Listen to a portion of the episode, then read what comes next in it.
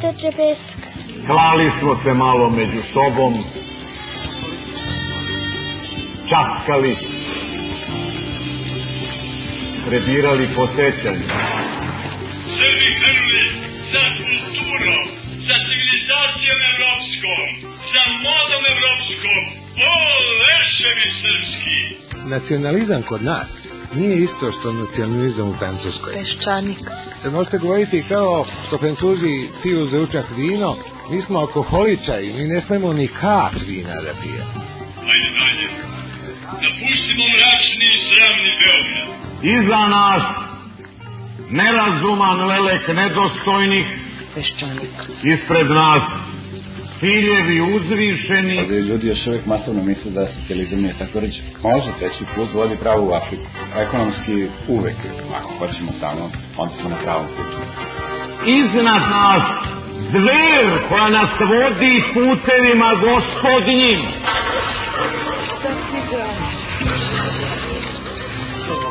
I da ne zatvorim oči, ja mogu da zamislim Srbiju kao najdinamičniju zemlju na Balkanu i jednu košnicu sa malo trutova i puno radilica.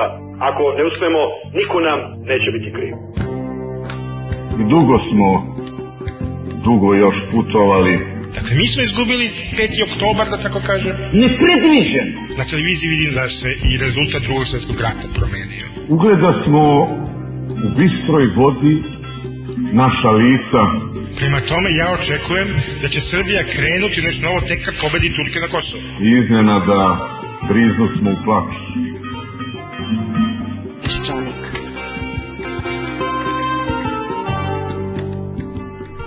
Dobar dan, 17. januar je, a Kostonica Vojislav, kandidat za premijera, predsjednika i sva ostala mesta, ukoliko uspe ovih dana da savlada tehnologiju kloniranja, obeća nam je da ćemo do Svetog Save imati vladu. Ne znamo kakav će biti program te vlade i mora biti da je šala njegova izjava da će osnova programa buduće vlade biti program koji je imala čuvena DSS-ova vlada u Senci sa premijerom Mašićaninom na čelu. Koštuničina vlada u Senci je jedino njegovo čedo koje je bilo kilavije nego komisija za istinu i pomirenje za koju, je, za koju se priča da ju je osnovao. Najzad DSS je doživeo da nam kroji sudbinu i u tome ima nečeg zloslutnog i neutešnog.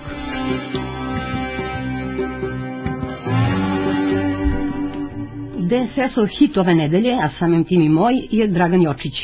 Ne samo njegov budalast i jadan pokušaj da uredi demokratsku stranku, tvrdeći da treba napraviti sanitarni otklon od onih smradova, verovatno je tako nešto mislio, nego izjava da je njegova stranka zainteresovana za, kako ih je nazvao, ministarstva sile. A po Jočiću to su ministarstva pravde i policije. Verovatno nije dobro hvatao beleške dok je njegov šef govorio, pa je pobrkao pravdu sa silom. Doduše, boginja pravda u jednoj ruci nosi mač, što je verovatno pomelo misli budućeg ministra, ili je pak sklon da zbog štednje narodnih para smanji broj ministarstava tako što će objediniti Ministarstvo pravde i policije. Jočić nije kriv, on samo jadan pokušava da liči na svog šefa. A Milan, slavnoga Stojana Protić, nije obeshrabren uspehom svoje stranke koja se meri promilima. Kao budući kandidat za predsjednika svih građana Srbije, izjavio je da mu smeta svako ko u Srbiji govori narečjem ili jezikom koji nije ovdašnji. Smeta mu svako ko govori i jekavskim u javnom životu. Ne smeta mu, kaže, ako tako nakradno priča kod kuće. Za sada. A ovaj srpski delija, promašeni gradonačelnik Beograda i još promašeni ambasador, mora bi onda makar da se odrikne svoje kolekcije kaubojskih čizama i da počne da skuplja opanke.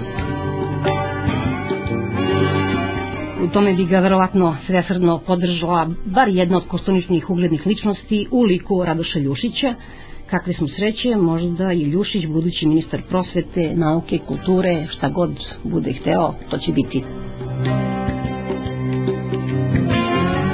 A najinteligentniju odluku ove nedelje donao je glavni odbor Socijalističke partije Srbije. Svakom poslaniku koji pobegne u drugu stranku ima se naplatiti 40.000 evra na ime troškova predizborne kampanje za dotičnog izdajnika.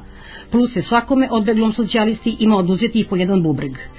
Ovo je moj dodatak, moj dodatak, moj kraj, odnosno ovo je bila moja želja, a sada ćete slušati Đorđija Vukadinovića, odnosno, pardon, izvini, a, Đorđe sa Fakulteta političkih nauka. Dakle, Đorđe Pavićević sa Fakulteta političkih nauka govori o virtualnoj temi dana u virtualnoj državi.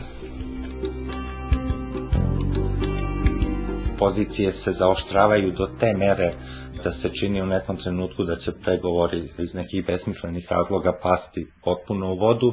Znači, ako imate jednu čudnu državu u najmanju ruku, ja mislim da, da bi sadašnje stanje srpske države prosto zahtevalo jednu posebnu vrstu artikulacije u kom smislu ta država postoji i kako. Ipak postoji, to je čudno, bez svih onih spoljnih obeležja države. Znači, bez ustava koji neko uzima ozbiljno u obzir. Čak ni ova znamenja zvanično ne postoje, već e, stranke po nahođenju uzimaju znamenja koja im odgovaraju da predstavljaju srpsku državu. Budžet nije izglasan, to isto svi zaboravljamo u ovom trenutku. Ako sastavljanje vlade bude zavisilo od toga da li će se DSS izviniti Živkoviću ili da li, ne znam, DSS želi da ponizi demokratsku stranku ili da li će, ne znam, Dinkić dobiti ono što želi, to jest da li će ta raspodela moći ići u pravcu podela na silu i novac, znači sila Demokratskoj stranci Srbije i novac G17, to je nešto što su drugorazredna pitanja u odnosu na ono koliko je ozbiljna situacija. I ako te stranke ne umeju da politički operacionalizuju tih 2,5 miliona glasova, ne bi bilo čudno da ih izgube. Ono oko čega se vode sporovi jeste nešto što otprilike nam je sve potrebno. Znači, ne isključuje se to da napravimo efikasnu državu sa tim da napravimo uređenu državu. Nije pitanje ili ustav ili ekonomska efikasnost ili nešto drugo, nego sve to zajedno u principu nam je potrebno, prosto za sve bi u tom smislu trebalo da ima mesta.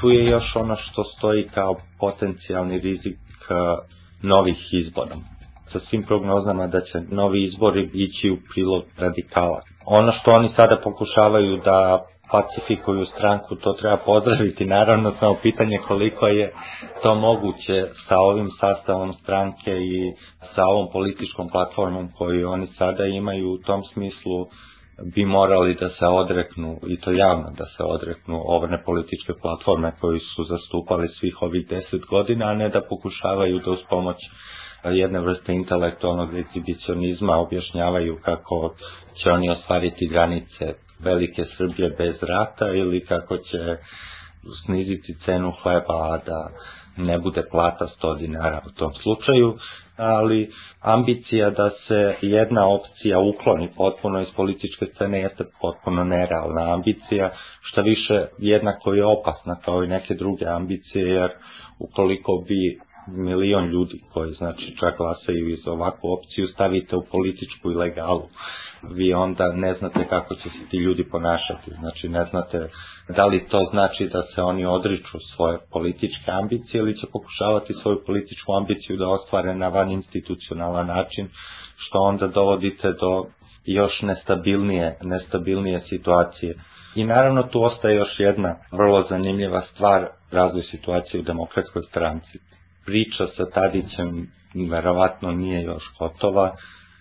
Ovo što radi DSS u ovom trenutku ne ide puno u prilog Tadiću. Međutim, videli smo prosto jednu opasnu tendenciju na glavnom odboru demokratske stranke gde postoji ta struja, ne znam koliko je jaka, to niko ne zna.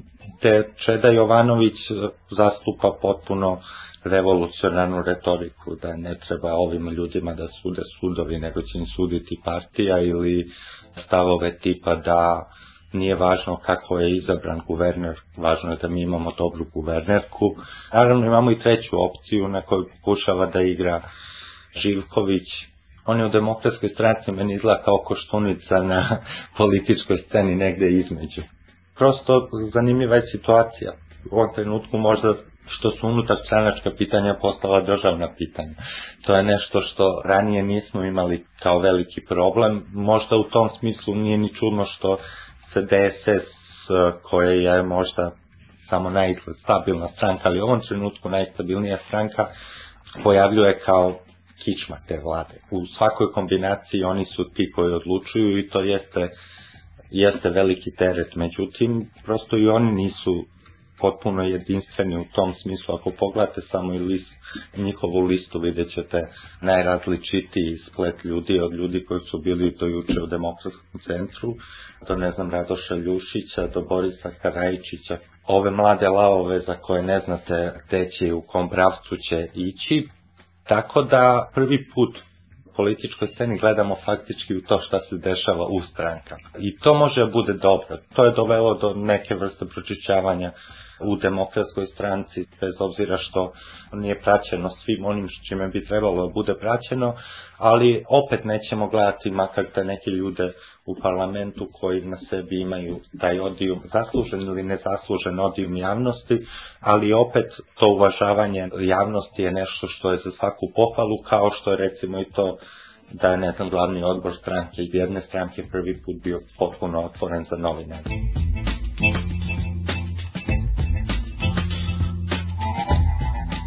Je neko dobro formulisao kada je trebalo se bud, pravi nekakav sastanak mladih iz svih stranaka i onda je bio problem, organizator je rekao pa kako ću ih sve zajedno staviti, onda je jedna žena rekla pa prosto daj im kafu i isključi mikrofon. Onda će oni normalno razgovarati. Znači kada se govori javno, onda se vodi računa o tome kako će slušati oni koji treba da glasaju ili ne treba da glasaju za vas i sada da bi se sačuvala čitava ta priča iz predizborne kampanje o tome kako će Koštunica držati reč i kako neće sarađivati sa demokratskom strankom, pravi se ta vrsta vratolomije kao da manjinska vlada sa podrškom demokratske stranke nije u stvari koalicija. I ako vi onda zbog toga na neki način uvredite partnera koji sutra treba da glasa za vas, to nije dobro. Mada nisam siguran da bi te stvari trebalo toliko uzimati ozbiljno što je rekao Jočić, ali da prosto druge strane ne mora ni demokratska stranka Srbije nasilno da čuva svoju konzistentnost kada kaže držat ćemo reč iako je očigledno da ne drže, ali niko mi ne zamera što ne drže.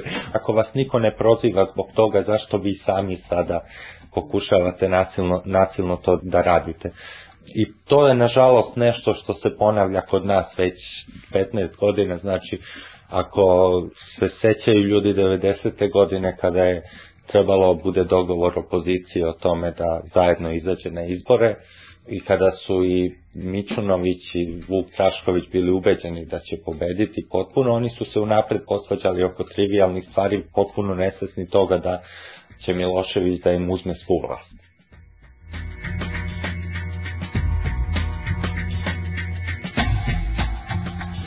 Demokratska stranka Srbije prema onome što prosto izlazi u javnost, čini se da oni neće se odreknu ničega. Kao da hoće da imaju svu vlast, ja pretpostavljam da je to jednostavno pregovaračka platforma, da su i oni svesni toga da ne mogu uzeti sve i ona varijanta sa kojom ucenjuju druge, znači jedna je su novi izbori, koja ne verujem da ide preterano na ruku demokratskoj stranci Srbije, posebno zbog potencijalno dobrog razvoja u demokratskoj stranci koja bi ojačala poziciju demokratske stranke. Mislim i da bi paradoksalno i mimo svih očekivanja verovatnije na tim budućim izborima dobitnik bila demokratska stranka u odnosu na sadašnje rezultate. Demokratska stranka Srbije verovatno ne bi dobila puno više od ovoga, ali čak i kada bi dobila očekivanih 80-90 mandata, znači koliko su očekivali sada, situacija se ne bi bitno promenila, opet ne bi imali svu vlast, opet bi morali da stupaju u koalicije, opet bi išli u takvu vrstu pregovora. Znači druga varijanta jeste ta ponuda, neočekivana pomalo ponuda Tome Nikolića da stupi u koaliciju s demokratskom strankom Srbije, mada ja ne verujem da je bila preterano ozbiljna ponuda, Ono što demokratska stranka Srbije rizikuje sa tom ponudom jeste ne samo skretanje udesno, što bi rekli, nego promena karaktera stranke koja bi bila potpuno neizvesna za njih. Ono što neki priželjkuju tu koaliciju jeste priželjkuju iz dva razloga. Jedan razlog je ajde da imamo stabilnu vladu, drugi razlog je to, imali bi preglednu situaciju, znači imali bi prosto dve stranke koje su do sada uglavnom manje više sa strane vocale drugima, sada bi imali na delu, pa evo vam, izvolite, pokažite se. Međutim, prosto mislim da ni jedan ni drugi razlog nisu dobri razlozi. A, verovatno bi se Demokratska stranka Srbije u tom slučaju pocepala, verovatno bi Koštunica opet posle tri meseca počeo da se gadi radikala i, i verovatno bi to onda u daljem proizvelo neku vrstu nestabilne situacije. Ono što jeste vredno raspravljati, raspravljati o programu vlade, znači nisu ljudi ni glasali za to da bi, ne znam, osobu A zamenila osobu B. Oni se tako ponašaju kao da su sada ljudi zbog toga glasali ne vole Čedu Jovanovića pa će voleti ne znam Aleksandra Popovića ili nekog drugog.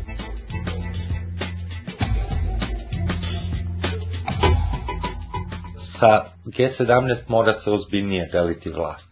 Ta dva, odnosno tri mesta, pošto predsjednik Skupštine postaje automatski predsjednik države, će pripasti G17 koje, ja još uvek verujem da je verovatnije mesto predsjednika vlade bez obzira na Koštuničinu kandidaturu za predsjednika vlade. Se kaže, ovo Koštuničin predlog da on bude predsjednik vlade je blef, odnosno da je to pojačavanje samo pregoračke pozicije.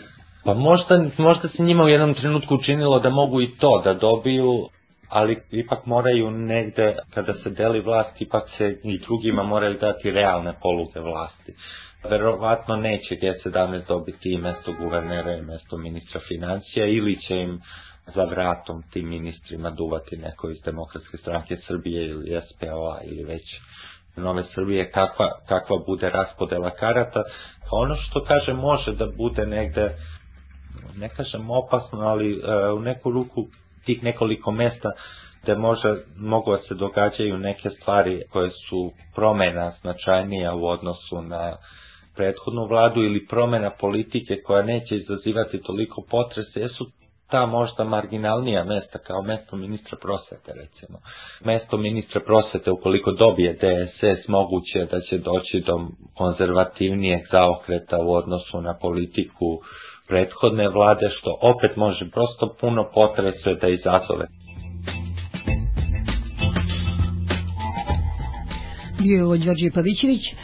A, čuli ste verovatno da smo uspeli da povadimo oči sa makedoncima, Naše dve crkve su ovih dana nastavila rat koji u poslednjoj rundi vode od 45. godina, prilike pa do danas. Pretpostavljam da ste čuli da je Patrijarh pisao predsedniku Makedonije, da je Svilanović rekao da suko dve crkve neće uticati na odnose Makedonije i Srbije, ali izgleda da Makedonci misle da hoće. Slušate Vladimira Milčeva, pozorišnog reditelja i direktora Makedonskog Soros fonda. Ovde se problem povezuje u stvari sa pitanjem svega što se Makedoniji i Makedoncima događa posle raspada Jugoslavije u smislu svih pokušaja da se negira identitet, postojanje, jezik, ime i tako dalje i to je jedno izuzetno bolno pitanje. Sinoć smo posle premijere koju smo imali imali jedan dugi, dug razgovor sa par glumaca srednje i mlađe generacije. Ja sam sam da setio da je da smo u stvari mi ovime vraćeni praktično na situaciju negde a, iz kraja 19. stoleća. U to vreme je jedna grupa intelektualaca i e, novo formirane, tek pojavljene buržuazije, e, orijentisane makedonski, koja je bila koncentrisana u gradu Kukuš, koja je danas u Grčkoj, zove se Kilkis, i koji su praktično e, jedini izlaz iz situacije u kojoj su se Makedoniji borile crkve i škole srpska, bugarska, grčka, što je imalo traumatične i tragične posledice po Makedonce u smislu deoba, međusobnih likvidacija i tako dalje. Ta grupa ljudi, među kojima je najpoznatije ime Goce Delčev, jedna od ključnih figura u makedonskoj istoriji, smatrala da je jedini izlaz za Makedonce praktično da postanu unijati, da se izvuku ispod tutorstva три суседне цркве кои се на неки начин покушавале да комплетно овладају душом и телом Македоната без обзира на тоа што е тоа било едном широм, широм региону, тоа е била географска Македонија која е далеко шира од ове Македонија у кој ми данас живеме. Ја уопште не сматрам да е рецимо да е Свети Син од Македонске православне цркве некакав скуп анđела, ali moram kažem da mi se ne čini da je skup anđela i u Srpskoj pravoslavnoj crkvi. Moram kažem da ne mogu da razumem čak ni i to puno ljudi ovde uzbuđuje. To da recimo oni bez problema upotrebljavaju ime egzarh za tog Jovana. Inače, egzarh i egzarhije u makedonskoj svesti od zvanja u stvari pritiskom koji je dolazio sa strane bugarske egzarhije, kako se ona u ono vreme zvala. Bojim se da će sve ovo u stvari da pogorša relacije, čak i političke. Bojim se da će ovde u Makedoniji izazvati jednu vrstu neprirodnog braka između politike i crkve, da će političari morati da se prestroje uz crkvu u odbrani onoga što je identitet i ime, što ne mislim da je dobro za razvoj demokratije. Ne mislim da je dobro ni za razvoj demokratije u Srbiji cela ova priča i mislim da je iluzija izjava recimo Gorana Svilanovića da, da se ovo neće odraziti na, i na političke relacije između Makedonije i Srbije. Mislim da ovo u ovom trenutku ne treba. Osećaj uh, uznemirenosti i uvređenosti je izuzetno jak uh, posebno kod ljudi koji, a njih ima puno u Makedoniji, koji Srbe smatraju izuzetno bliskim, koji Srbe smatraju braćom. Kod njih recimo trauma je u stvari najjača, da je reakcija kao dobro, mogli smo da očekujemo od svih, ali ne od njih. Karakteristična je recimo izjava jednog od lidera VMRO-a da je zadovoljan što se na ovom pitanju ne razlikuju VMRO i SDSM, dakle dve najsuprotstavljenije i najjače političke partije na u Makedoniji praktično. Tako da što se političke strane mislim da tu maltene nema nijansi. Tu ima diskusija da li je reakcija e, sinoda Makedonske pravoslavne crkve, vlasti i tako dalje, da li nije preoštra i to. Oko toga ima diskusija. Međutim, u odnosu na to da je to nešto što vređa, minira, Makedonci i njihov identitet, tu nema razlika. Ovo se doživljava kao sprega sa Grčkom pravoslavnom crkvom, koja u stvari tera politiku Grčke negiranja kompletno postojanja Makedonije i Makedonaca. Tu ima ljudi koji smatraju da je tu u stvari Srpska pravoslavna crkva u stvari obavlja prljave poslove za Grčku pravoslavnu crkvu. Bio Vladimir Milčev, a evo što ovom problemu misli naš stalni sagovornik Mirko Đorđević. Mislim da je to greška da se stvara neka zagranična nekakva crkva u izbeglištvu. Time će se samo situacija komplikovati. Ništa se strašno ne bi dogodilo da se makedonskoj crkvi da autokefalnost, pošto je ona formalno potrebna saglasnost. Što bi se dogodilo tako strašno? Crkva bi ostala u kanonskom ili turističkom jedinstvu. Šta se strašno dogodilo Ruskoj crkvi koja je dala autokefalnost u novonastalim državom Gruziji, Finskoj, ne znam gdje nego se iz Beograda vodi jedna politika koja, po mom uverenju, neće dati dobre rezultate na duži rok. Zamolili smo gospođu Radmilu Radić e, iz Instituta za noviju istoriju Srbije da nam pomogne da shvatimo pred istoriju ovog sukoba. Inače, samo dve, tri činjenice na početku.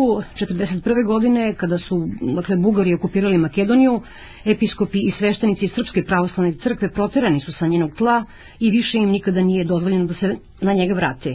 Zato nisu imali podršku ni komunističkih vlasti, a još manje makedonske crkve u nastajanju. Slušate Radmilu Radić. Makedoniji formiran inicijativni odbor za formiranje samostalne makedonske crkve.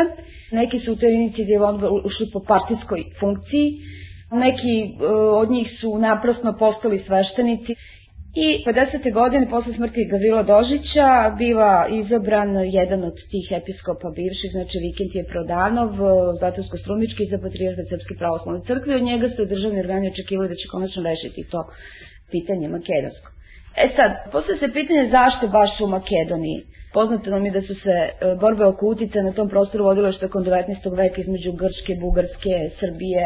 Jugoslovenski državni organi su smatrali da e, davanjem državnosti Makedoniji i uz to naravno i samostalne crkve, da će na neki način prevući Makedoniju Jugoslovenskoj federaciji i zadržati je tu. A osim toga bilo je bitno pitanje i makedonske emigracije I oni su smatrali ako se formira ta samostalna crkva, da će se onda i makedonska emigracija pridobiti na neki način za Jugoslaviju i za jugoslovensku stvar, samim tim što će sada imati svoju crkvu u okviru koje će funkcionisati, a neće se više jeli, deliti između Grčke, Bugarske ili Srpske pravoslavne crkve. I to je prosto bilo jedno važno državno pitanje u tom trenutku na kome su i savezni organi insistirali čak često mnogo više nego sami republički organi u Makedoniji. 55. godine Srpska pravoslavna crkva je donala odluku da se dopusti makedonski jezik u administraciji u korišćenju pečata u Makedoniji, znači da makedonski jezik sada uđe u crkvenu upotrebu. Čak je bilo donata odluka da bi mogli da se biraju i makedonci, to je bio jedan ustupak, ali nijedan znači episkop nije do 58. dok je Patriar Vikent je bio na, na čelu Srpske pravoslavne crkve nije zaista izabran, bio nije bio kirotonisan.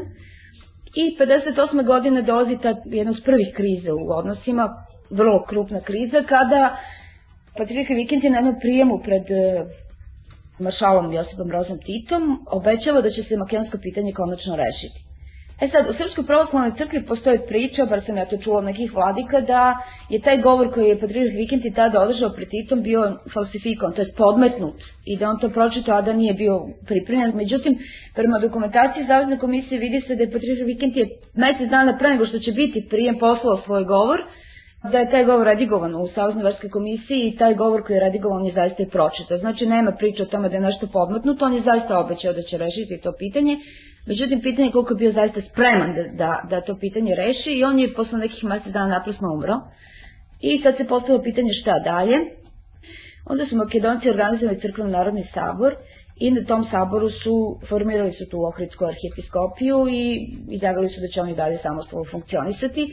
58. je jedan od episkopa Srpske pravoslavne crkve, Dosite Stojković, koji je bio poreklom Makedonac, otišao u Makedoniju ne obaveštavajući nikog u Srpskoj pravoslavnoj crkvi i njega su tamo proglasili za mitropolita na tom crkvenom narodnom saboru. I sad, e, faktički, patrijarh German je bio dovadan pred svršen čin, on je 59. godine pristao da hirotoniše mitropolita Dositeja Stojkovića i još jednog episkopa Klimenta. I to je bio taj ključni ustupak koji će kasnije dovesti do novih zahteva strane Makedonske pravoslavne crkve, a patrijarh German će vrlo brzo na neki način da se pokaje zbog tih ustupaka i pokušavaće da stvar vrati na, na neke prethodne pozicije. Pregovori će se nastaviti i vodit će se sve do 67. godine, e, nastavit će se pritisci pred svako zasedanje sabora u maju mesecu, državni organi su razgovarali sa e, patrijarhom, sa, pred, sa episkopima, nagovarali, pritiskali da se ti ustupci učine. Do 66. dok je Ranković bio vrlo bitna ličnost u, u državnim organima, patrijarh German je, pošto ima dobre odnose i sa Rankovićem i sa Panezićem, na neki način bio spreman na neku vrstu saradnje, ali nije više bio spreman na bilo kakve ustupke. Posle 66. German menja bitno svoje pozicije i svoj odnos prema državnim organima i više nije bio spreman na ustupke. 67. godine Makedonci će proglasiti autokefalnost e, svojevoljno. Srpska pravoslavna crkva kao majka crkva koja po kanonima treba da da odrešenje za stvaranje autokefalne crkve, na to naravno nije pristala i donela odluku o prekidu liturgijskog i drugog opštenja sa makedonskom crkvom koja evo traje i do dana današnjeg. E sad, posle 67. godine makedonska pravoslavna crkva funkcioniše tako kako funkcioniše, ona nije priznata, ne samo Srpske pravoslavne crkve, nego ni od jedne druge pravoslavne crkve. Istovremeno, srpski e, episkopi i sveštenici nemaju mogućnost da odlaze u Makedoniju, kasnije će se stvari zaštravati do to mere da, da, da u novije vreme, recimo, čak sveštenici episkopi u Mantiji ne mogu da pređu Srpske pravoslavne crkve ne mogu da pređu preko teritorije Makedonije, nego moraju da skinu mantiju ako hoće da idu za Grčku, pa onda da obuku kad pređu granicu i tako dalje. Što se ono što je zanimljivo, u elaboratima su recimo često plašili, Savezne verske komisije pla, plašili predstavnike Srpske pravoslavne crkve, e, ako ne budete dali dole autokefalnost ili bar neki širi oblik autonomije, tamo se širi unijetska propaganda, katolička propaganda, vi radite protiv interese pravoslavlja i tako dalje što niko nije ozbiljnije ispitivao da vidi zaista šta se dole dešavalo i da, je, da li je stvar e, tako bilo i to su uglavnom bile nekakve policijski elaborati koji su govorili ali, o utice katoličke propagande, ali je činjenica da su predstavnici Makedonske pravoslavne crkve putovali u Vatikan, da su imali dobro odnose, čak ih je papa primio jednom prilikom i ja.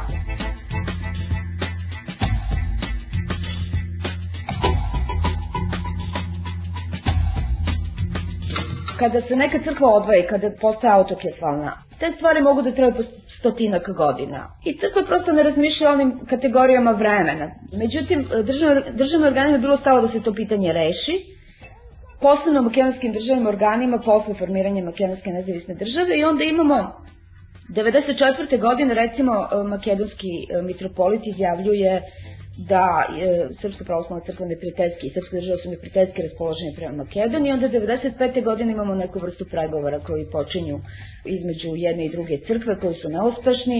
2000. je došlo do sastanka između patrijarha Pavla i predsednika makedonske države, govorilo se o jedinstvu, ne zna se tačno šta, se, šta je rešeno. I onda imamo 2002. ove pregovore u Nišu, gde je došlo do sporazuma između dve delegacije. Srpska pravoslavna crkva je prihvatila taj sporazum, ali u Makedoniji pod pritiskom medija i političara taj sporazum je odbijen. Onda imamo ovaj sukob sada, ovaj mitropolit Jovan i deo predsednika makedonskog e, episkopata i sveštenstva prihvata liturgijsko jedinstvo i kanonsko sa Srpskom pravoslavnom crkvom, državni organi se oštro protive i sada dolazi do jednog sukoba, evo sad smo svedoci, znači to nije počelo ovog momenta, to što sad mi gledamo, to je posledica 60 ili 70 godina sukoba i mnogo duže. Tako da se sad došlo u pad poziciju gde boje se da niko više nema mogućnost za nekakvu odstupnicu. Ali e, ja se bojim da se tu više ne radi odnosu samo između makedonske i srpske pravoslavne crkve, da je to sad jedno krupno pitanje u koje se upleću i ostale pravoslavne crkve. I pitanje je ako srpska pravoslavna crkva zaista prizna tu autokefanost, kako bi na to reagovale druge pravoslavne crkve i da li bi to prihvatile e, blagonaklono i pitanje je šta se zaista dešava u tom pravoslavnom svetu po tom pitanju, do koje mere, znači treba priznavati te crkve koje nastaju ili ne. Čak je bilo jedna izjava nekog mitropolita, ovog episkopa Nestora pre par meseci da će se sve te nepriznate crkve sada udružiti i da će se onda nešto napraviti u odnosu na ove koje su priznate i koje su samostalne. Tako da mislim da je sad pitanje vrlo, vrlo ozbiljno zaoštreno i ja zaista ne vidim kako će se dalje cela ta priča razrešiti. Mislim da Makedonci neće odustati od e, svojih zahtjeva i produšku državnih organa Srpska pravoslavna crkva brani svoj interes, ona na to ima pravo. Makedonci opet hoće autokefalnost, brane to, e sad kako to rešiti, ja zaista ne znam. Srpska pravoslavna crkva je, kada je ponovo jedinje posle raspada na Pečke patrijaršije u 17. veku, formirana na teritoriji Jugoslovenske države. Sa raspadom Jugoslovenske države prilike dolazi u pitanje i pitanje organizacije Srpske pravoslavne crkve. I mi nemamo samo problem u Makedoniji, koji se vuče već toliko godina. Mi imamo problem i u Crnoj Gori, sličan, ali slični se problemi mogu javiti i u drugim delovima na, na prostorima gde su nastale nezavisne države. Tako da Srpska pravoslavna crkva u stvari brani svoje jedinstvo i brani svoju organizaciju. Tako da To pitanje može naravno da se tumači kao nepriznavanje ili branje nacionalnog posebnog i tako dalje, ali ja mislim da je to jedno zbiljnije pitanje za Srpsku pravoslavnu crkvu i sa raspadom Jugoslovenske države zaista dovodi pitanje sve ta organizacija. Ona naravno 96. ali čak mislim jednom ranije predsjednice Srpske pravoslavne crkve su izjavili da se bez obzira na raspad Jugoslavije jurisdikcija proteže na celom prostoru na kome je i do tada bila Međutim, to ne znači da se problemi time rešavaju. Onda tu postoji problem sa Vaselenskom patrijašom koja je pre, pre, pre par godina postavila zahteve da rukovodi kompletnom dijasporom, znači svih crkava. Kako će se to rešiti jer sada je faktički van teritorije Srbije i Crnogore dijaspora sna ono što nekad bilo u okvirima Jugoslovenske države. To su ozbiljni problemi. I ja mislim da je Srpska pravoslavna crkva prosto brani svoje pozicije. Sad, može to nama da se sviđa ili da nam se ne sviđa, ali ona na to ima pravo. To što sad zbog toga dolazi u sukob na raznim prostorima, to je nešto što je nebinovno moralo da se desi, upravo zbog one stare odluke Vasenskog sabora da teritorije crkve prate teritorije države. Sad kad se te granice menjaju, menjaju se, jeli, i šta sad dalje, kako dalje to rešiti? Ja mislim, kad su širili teritoriju, znači kad je nastala Jugoslavija, onda nije to bilo dobro ali sad ta teritorija smanjuje, pa svi ti smanjuje, šta da ti kažem. Sem toga kad su počeli ratovi 90-ih, vi ste bežali prvi. Ako smo mi kao, kao građani i kao, kao država i kao milion izbeglica i ne znam šta, ako smo mi svi prihvatili da je to sad tako i prihvatamo i u procesu smo toga da to prihvatimo, da smo sad mali i nikakvi, onda i ti to prihvati, ne znam šta se sad ti širiš. Mislim, s kojim moralnim pravom? U krajnji liniji jer kod njih je i to, pošto oni stalno na tome insistiraju ja, ako posmatram sa stanište makedonske države, makedonskih državnih organa i makedonske crkve, verovatno posle svega što se desilo ne bih pristala na nekako ponovno vraćanje unazad 10, 15 ili 20 godina. Ja sam rekla, e, Srpska pravoslavna crkva ima pravo da brani to, bez obzira koliko, kako su se oni ponašali u prošlosti i da li su oni bili ispravni ili nisu bili ispravni, to je sad jedna druga priča, ali ona je, prosto ima pravo da brani to, to je, to je nešto što je legitimno, da brani svoju organizaciju, da brani svoje jedinstvo. Ja kažem, to može nama da se dopada ili nam se ne dopada. E sad, to je samo pitanje kako će se Srbija ili Srbija i Crna Gora kao državna zajednica postaviti. Da li će se mešati u taj problem ili će to ostaviti na crkvenom nivou? Za sada izgleda kao da neće da se meša. Izgleda kao da se neće mešati i mislim da je to za sada u redu, što se tiče državnih organa. Vrlo je zanimljivo zbog čega druge crkve ne reaguju. Takođe pravoslavne na to pitanje makedonsko. Evo, godinama se to proteže. Rusi su, nisu priznali makedonsku crkvu, Grci nisu priznali Bugari, koji takođe imaju veliki interes dola, imaju svoje probleme sa 3-4, ne znam, nezavisne ili samostalne crkve tamo koje su se pocepale. Tako da mislim, to više problem kompletnih, kompletno pravoslavne crkve sada, danas, koja bi trebala da se zove jedan sabor, konačno da neke probleme koje ima unutar sebe reši, jer ovako pojedinačno raspadanje tih državnih, velikih državnih teritorija, stvaranje malih, na kraju ćemo na nivou gradova imati crkve ili na nivou nekih lokalnih opština će se postaviti zahtjeve za formiranjem tih. Mislim, gde je granica svega toga? I ne vrem da Srpska pravoslavna crkva u ovom slučaju postupa apsolutno bez savjetovanja sa ostalima. I to je ono što je zanimljivo, zbog čega, zbog čega ostali tako reaguju. Znači, ako već ona nije priznala, zbog čega ostali? Znači, da su njihovi interesi da se ta crkva ne prizna kao takva, za sada. Vidjet ćemo, mislim da su mnogo krupniji interesi u pitanju od ovoga što mi sada vidimo, samo lokalni taj teren odnosi Makedonije i Srbije, mislim da je to nešto malo krupnija igra nego, nego što je to samo ovo naše prepucavanje međusobno. Ovih dana bili smo u poseti kod gospođe Latinke Perović. Sudeći po njoj, Srbija se od krvavog raspada Jugoslavije pa sve do ubistva Đinđića i ovih zastrašujućih rezultata poslednjih izbora u stvari samo svodi na samu sebe. To otprilike znači na malu zemlju seljaka i lumpen proletera izgubljenom na brdovitom Balkanu. A nisu ni male šanse da se međusobno pobijemo, a da na to niko ne obrati pažnju. Slušate gospođu Latinku Perović.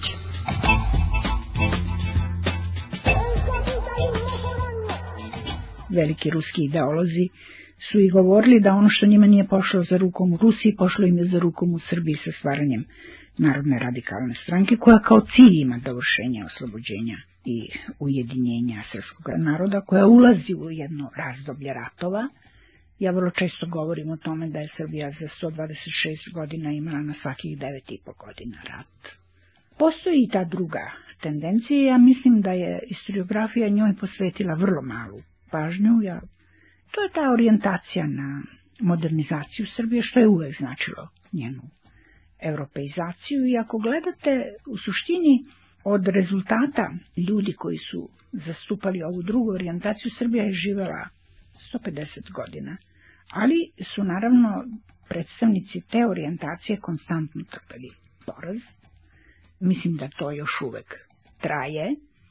Imate to fatalno ubistvo Zorana Đinđića, imate ceo taj period posle njegovog ubistva, za koji bih ja rekla da je razdoblje ubijanja u stvari te orijentacije i imate tu situaciju sada gde zapravo se ponovo na izborima rešava taj istorijski problem za i protiv modernizacije, za i protiv evropeizacije.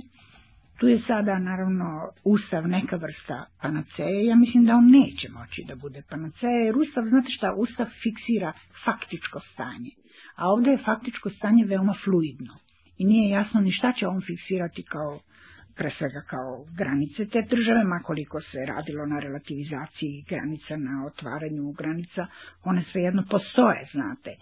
I e, taj srpski problem je postao Gordijev čvor, on je postao e, na neki način nerešivi u takvoj jednoj situaciji bez ovog istorijskog bilansa o kome govorim, zaista je vrlo teško zamisliti donošenje ustava kao rezultat e, opšte nacionalnog konsensusa.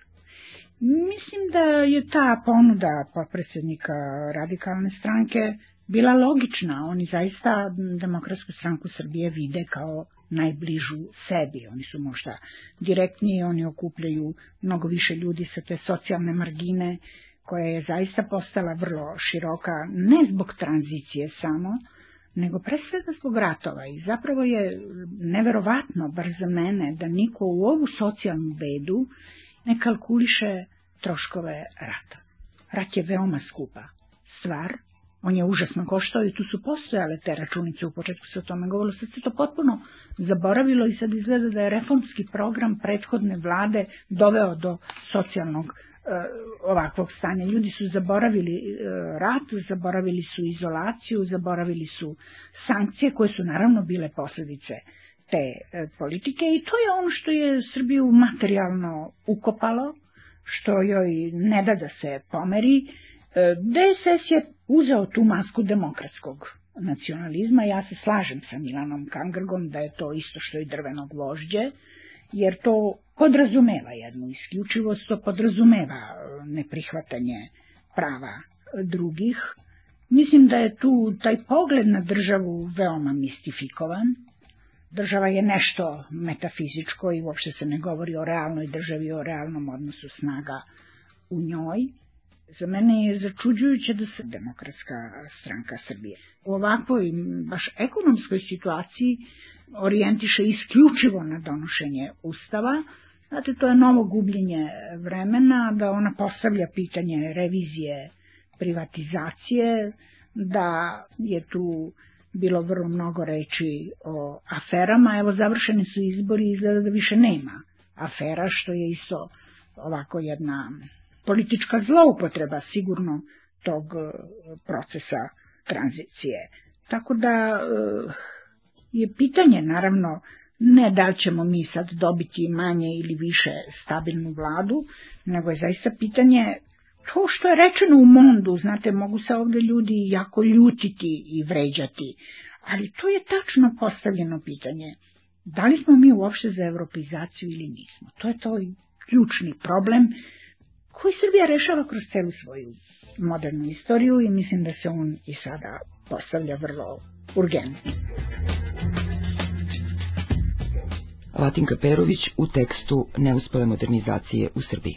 2003. godine navršilo se 125 godina od kada je Srbija stekla državnu nezavisnost na Berlinskom kongresu 1878. godine. Ne bih htjela da pretpostavljam razloge zbog kojih je godišnjica toga događaja prećutana.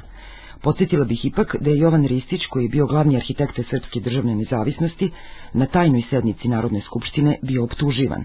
Njegov pristanak na ovaj minimum, kako se smatralo, tretiran je kao izdaja. U svoju odbranu Ristić upotrebio i ovaj argument. U Berlinu, rekao je, imao sam priliku da se sretnem sa čuvenim istoričarem Rankeom, koji je pisao istoriju srpskog oslobođenja. Ugledavši me, on mi je čestitao nezavisnost kao najveće blago koje je mogla da dobije naša zemlja. Na moju primetbu da su mišljenja kod nas podeljena i da neki daju prednost uvećanju teritorije, Ranke mi je odgovorio da teritorijalno uvećanje ima svoje koristi, ali da je nezavisnost ona osnova na kojoj se države stvaraju i obezbeđuju svoju budućnost. Oko zločina ste e, pitali. Ja mislim da je to jedno ključno pitanje.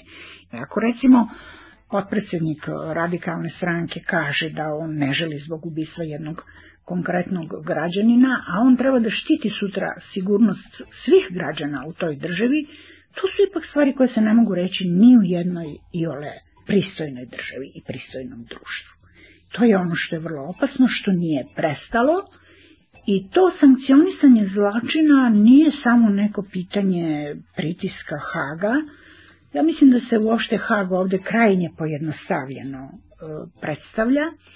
Hag je vrlo ozbiljna ustanova, to je ustanova koje su osnovale Ujedinjene nacije i ta banalizacija njemu ništa ne šteti, ali šteti nama.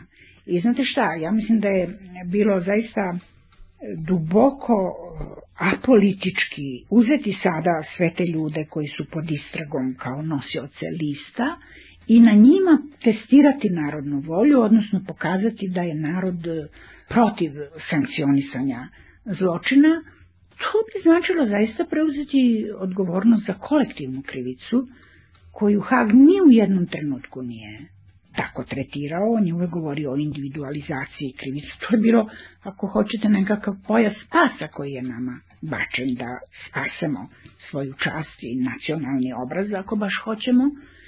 E sad vi na sve to imate, znači, promovisanje takvih ljudi, koje na kraju postaje neka pretnja unutrašnjem miru u samoj Srbiji, jer iza toga već dolaze takve parole Sjenicu za Srebrenicu, Novi Pazar za Vukovar i tako dalje. Znate, to ljudi govore o imidžu Srbije u svetu, čak o tome da treba napraviti agencije koje bi popravile taj imidž. Pa tu ne reč o imidžu, to je prosto reč o, ako hoćete, moralnom, pravnom stanju u jednoj državi. Vi ne možete očekivati da vas međunarodna zajednica tretira ozbiljno ako ove elementarne, abecedne stvari nisu jasne. U tome ja vidim da je taj e, poslednji test na tim izborima zaista razgolitio jednu vrlo tešku, sumornu sliku o nama.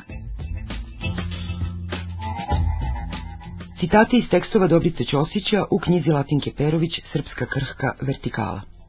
Rastući se decom svojih komšija, sa nadničarima i nadničarkama, mnogo ranije nego azbuci, priučavao sam se pravdi i nepravdi.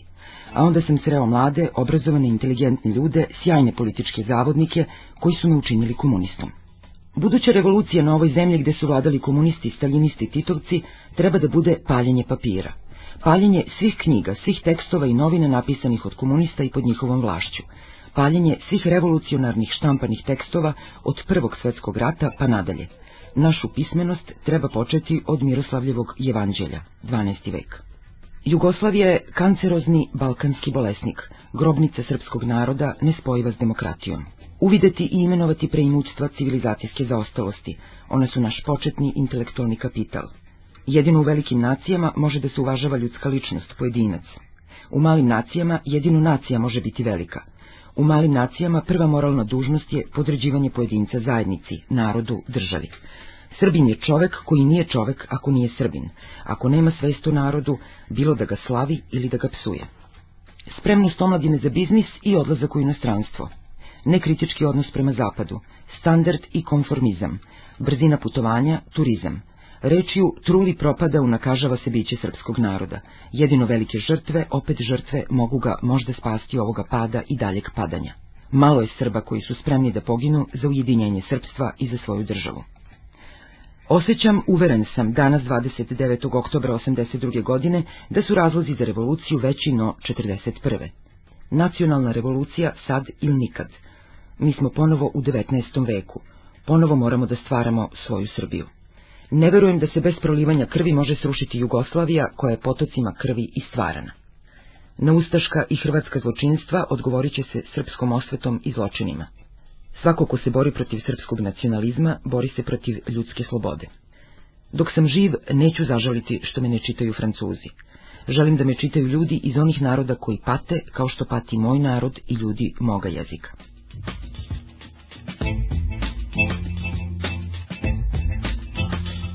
Znate šta, ovde su već neke stvari do te mere zapuštene, da se čovjek pita kako se one mogu popraviti. I mislim da to je jedno senje nekih iluzija o tome da će stvari lako ići. Da... To je prosto jedna vrsta zločina, znate. To znači obećavati ljudima nemoguće.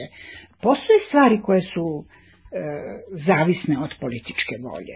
To je bila sigurno ta saradnja sa Hagom, to je ono što je započela vlada sa premijerom Đinđićem. To je cena koja je plaćena njegovim ubistvom i to stanje traje i sve te komisije za istinu koje su formirane nisu dale ni malo ohrabrujuće e, rezultate. E, sve se svodi na to da su zapravo svi činili zločine. Pa znate šta, u ratu se čine zločini, ali u ratu se razlikuju strane koje započnu rat i koje uza se imaju veliku bojnu silu, kakvu je Srbija zaista imala u ratovima koje je vodila u Jugoslaviji. Tako da ljudi reaguju i sa osjećanjem možda i nesvesnim, ali jedne duboke frustracije, jer cela istočna Evropa ipak se pomera, mi idemo nazad, zato smo mi kako nas tretiraju u literaturi, devijantan slučaj u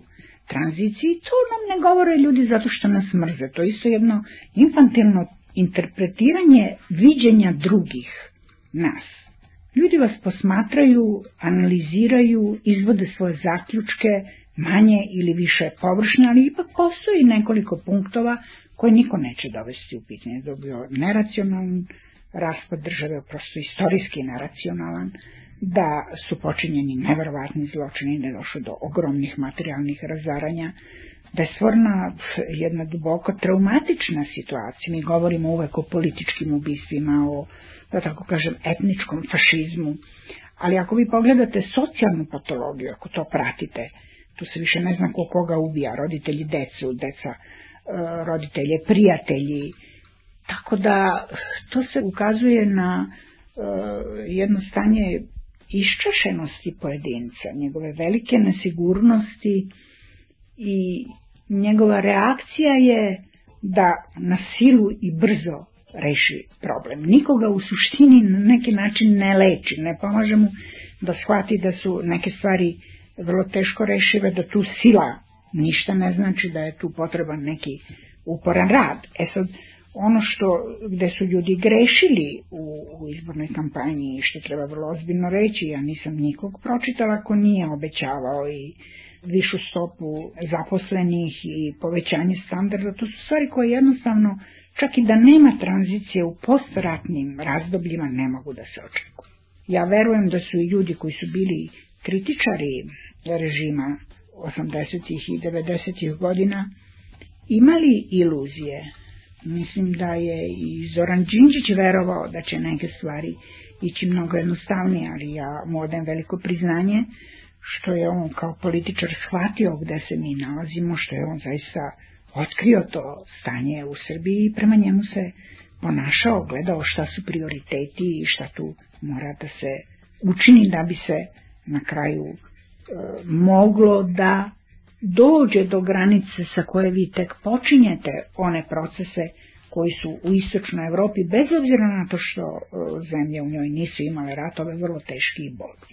Tako da ovde se zaista svi bave na neki način tim političkim kombinacijama i vrlo malo je e, kompetentnih, e, objektivnih analiza One se smatraju čak nekom vrstom subverzije ako vi tačno dođete do toga gde ste, ako imate precizna merenja toga stanja. A znate šta, to bežanje od istine nikome nije pomoglo, ni u ličnom životu, a pogotovo u životu jedne zemlje i naroda. I mislim da je to neophodno ljudima saopštiti.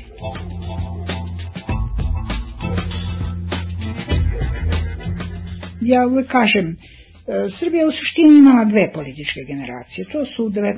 veku radikali, posle su to komunisti, to su stranke koje su jako dugo trajale, koje su imale svoje vodstvo, koje su dugo vršile i praktikovale vlast. Ova nova elita, ona se stvara na jedan neprirodan način. To su ljudi koji dolaze iz fakulteta, iz medija, a što se tiče elite, pa to je tačno, znate, e, i stranci su to primećivali još u 19. veku, oni su govorili da mm, su proputovali vrlo mnogo, ali da nigde nisu našli to što su u Srbiji naši, da se elita tako malo razlikuje od naroda i to nisu smatrali vrlinom. Ova proslava koja se priprema 200 godišnjice Prvog svjetskog ustanka? Mm, bio je jedan sastanak samo odbora Ja sam svoje ime pročitala u novinama, da me je neko pre toga pitao, ja bi rekla hvala vam, dovoljno je poslova i bez toga može se nešto korisno uraditi za državu i za taj jubile i ne sedeći u odboru, ali sam stvarno smatrala da je strašno da Srbija ne bude u stanju da još i tu proslavu organizuje. Meni se činilo je da je sa tim zaista porazom koji je doživljen na kraju 20. veka ova godišnjica bila odličan povod za jedan bilans i za neke dalekosežnije pouke, jer treba nekako svečarski duh zameniti nekom realističnijom slikom, nekom zdravijom slikom nekim osjećanjem koje ako hoćete ne bi bilo lišeno i pomalo stida. Ja lično to osjećam. Bilo ovo gospođa Latinka Perović, slušali ste još Đorđe Pavićevića, Radmilu Radić, Vladimira Milčeva i Mirka Đorđevića. Bilo da u emisiji Peščanik, Marko Perunović je realizuje emisiju, Ratko Ristić montaža, a ako ste slušali Peščanik, zahvaljujem se Svetlana Vuković i Svetlana Vukić. Prijetno. Peščanik.